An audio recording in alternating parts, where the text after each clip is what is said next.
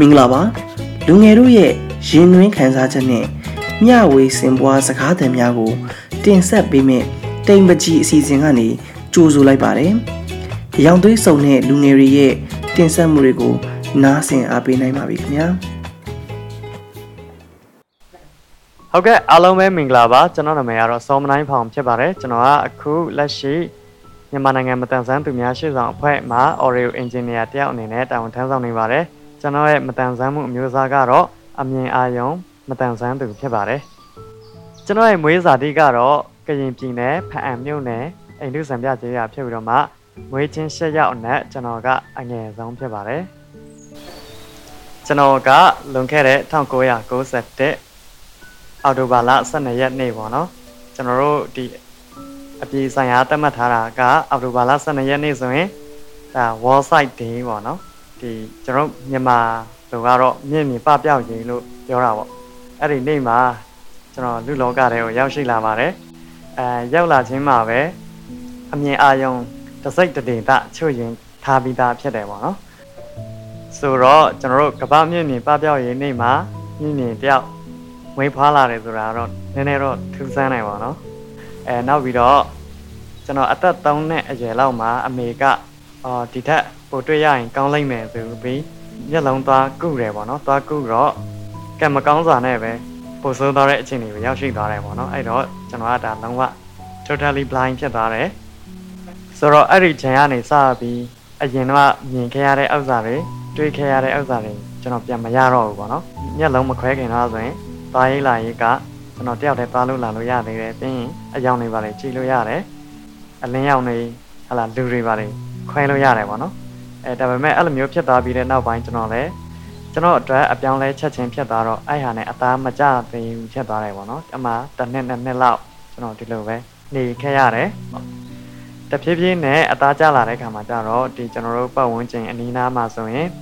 အိမ်နီးနားချင်းကိုသွားလဲတာမျိုးတို့ဘာတို့အဲ့လောက်ထိတော့ဒါပြန်လောက်လာနိုင်တယ်အဲဒါမဲ့လည်းနေကိုရအချိန်တွေမျိုးတော့ပြန်မရဘူးပေါ့ဒီလိုနဲ့ကျွန်တော်အသက်9နှစ်အရွယ်မှာ MCFB လို့ခေါ်တဲ့မြန်မာ Christian Fellowship of the Blind ပေါ့နော်အဲရန်ကုန်ခွဲစံမြင့်မြင့်ကျောင်းပေါ့နော်အဲ့လိုခေါ်တယ်ပေါ့အဲ့ဒီကျောင်းနဲ့ကျွန်တော်အဆက်အသွယ်ရရှိခဲ့ပါတယ်ကျွန်တော်အဲ့ဒီကျောင်းမှာဒီမူလတန်းအခြေခံပညာကနေစပြီးတော့မှတက္ကသိုလ်ထိကျွန်တော်ပညာသင်ယူနိုင်ခဲ့ပါတယ်အဲ့ဒါအပြင်ကျွန်တော်တို့ကျောင်းမှာ activity လေးတွေလုပ်ရတာရှိတယ်ပေါ့နော်ဥပမာ music တချင်းတိုက်တာတို့ ဖះเจ้าမှာတချင်းဆိုရတာမျိုးတို့ဘာတို့လှုပ်လာခဲ့တဲ့ကမှာကျတော့ငငယ်ကလေးကကျွန်တော် music ကိုစိတ်ဝင်စားခဲ့တယ်ပေါ့နော်အဲအမှဂီတာကိုအခြေခံရရှိလာခဲ့တယ်နောက်ပြီးတော့ကျွန်တော်တရောကိုလည်းအခြေခံရရှိလာခဲ့တယ်ဒါတွေမကသေးပါဘူးကျွန်တော်တို့ကျောင်းတော်ကြီးကနေကွန်ပျူတာပညာရပ်တွေသင်ကြားပေးတာတွေရှိတယ်အဲအဲ့လိုပဲတပြည့်တခြားပညာရပ်တွေလည်း သင်ကြားပေးတာတွေရှိတယ်ပေါ့နော်သူခင်းတဲ့ဒုက္ခလိုက်ပြီးတော့မှအဲ့လိုသင်ကြားပေးတာတွေရှိတယ်အဲကျွန်တော်ကတော့ကွန်ပျူတာကိုစိတ်ဝင်စားတယ်နောက်ပြီးတော့ဒီအနုပညာကိုလည်းစိတ်ဝင်စားတဲ့အတွက်ကွန်ပျူတာနဲ့ဒီကျွန်တော်တို့ music ကိုဘယ်လို creation လုပ်လို့ရမလဲတခြား instrument တွေနဲ့တွဲဖက်ပြီးတော့မှဘယ်လိုကောင်းအောင်ပေါ့ဘယ်လိုလုပ်ရမလဲဆိုတာကျွန်တော်အရင်စိတ်ဝင်စားခဲ့ပါတယ်ဒီလိုလေ့လာသင်ယူရင်းနဲ့ပဲကျွန်တော်အဲတက္ကသိုလ်ပထမနှစ် တိကျပြောရရင်2017ခုနှစ်မှာကျွန်တော်ဆန္ဒအရကျောင်းကနေကျွန်တော်ထွက်လာခဲ့ပါတယ်အဲအဲ့ဒါပြီးတော့မဆုံးသေးတဲ့ကျွန်တော်ရဲ့ပညာရေးကိုကျွန်တော်အပြင်ကနေနေပြီးကျွန်တော်လေ့လာတယ်အဲ့ဒီနေရာကနေစပြီးကျွန်တော်ဘဝမှာအခက်ခဲတွေအများကြီးကျွန်တော်စကြုံရပါတယ်အဲကျောင်းမှာနေတော့ကတော့အဲသူ့ရနဲ့သူအဆက်ဆက်ရရအဆင်ပြေတယ်ဆိုပေမဲ့ကျွန်တော်တို့ဒီလိုအပြင်မှာရက်တည်သွားလာတဲ့အခါမှာကျတော့ ဟောចောင်းသားဖြစ်နေတာတကြောင်ဝင်ငွေကလည်းမရှိဘူးပေါ့နော်အလောက်ကလည်းအဲ့ချိန်မှာကျွန်တော်တို့မတန်ဆန်းသူတွေအတွက်အရန်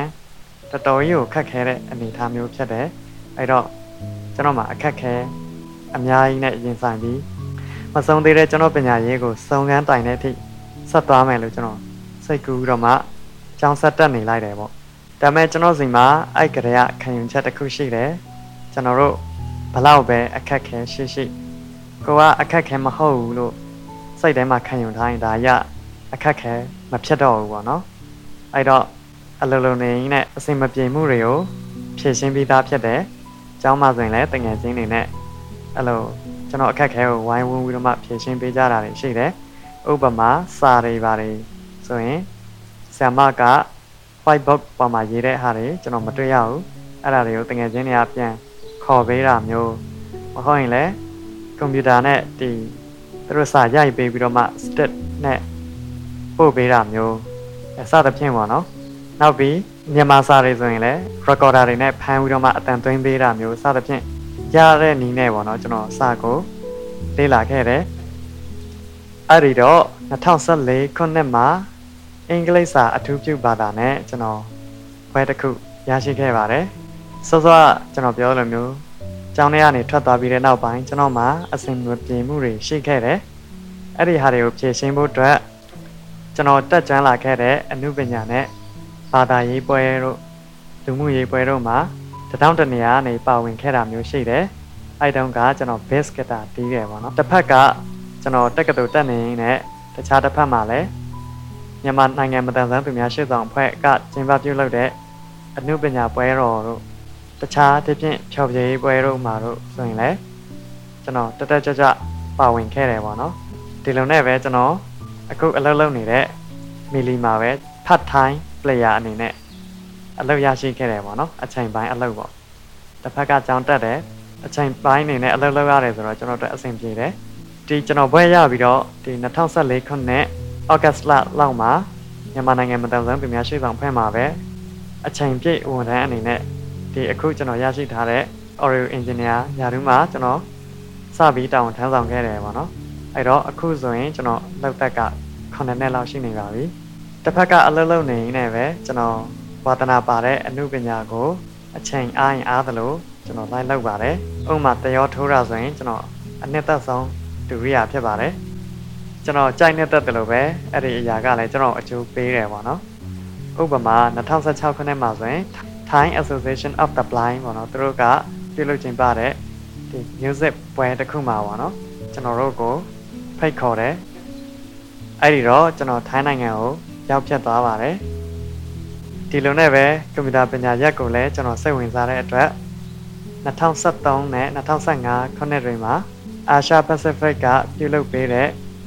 Taraku Akita Training ပေါ့နော်ကွန်ပျူတာ training မှာ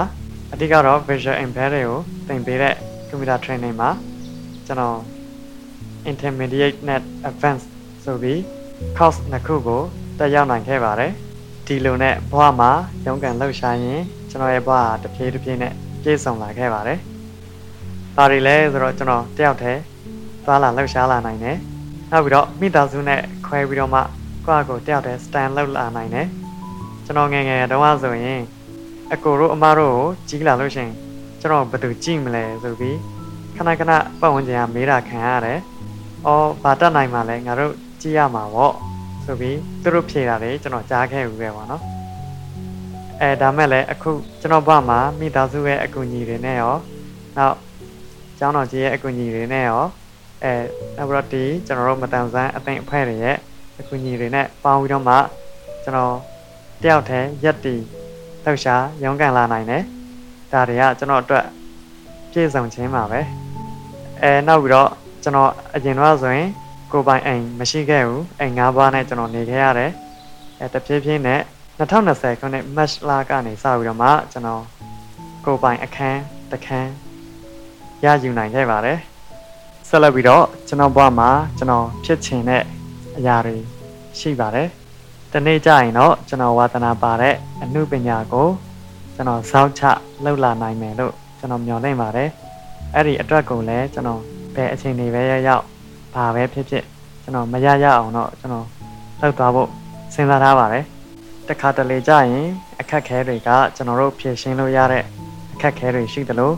ကျွန်တော်တို့ဖြေရှင်းမရတဲ့အခက်ခဲတွေလည်းရှိပါတယ်အဲ့ဒီတော့အဲ့ဒီအခက်ခဲတွေကိုဖြေရှင်းနိုင်မဲ့အစား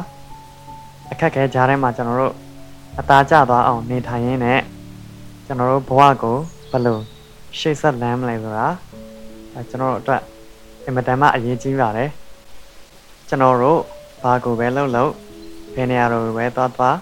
ဘာတွေပဲဖြစ်နေပါစေကျွန်တော်တို့အဓိကစိတ်ချမ်းသာဖို့ကအရေးကြီးဆုံးဖြစ်ပါတယ်လို့နောက်ရဒီမှာလဲကိမ်ပကြီးအစီအစဉ်ကနေပြီးတော့ ဘလို့အကြောင်းအရာတွေကိုတင်ဆက်ပေးသွားမလဲဆိုတာကိုဆက်လက်နားဆင်ပေးပါအောင်ခင်ဗျာကျေးဇူးအများကြီးတင်ပါတယ်ခင်ဗျာ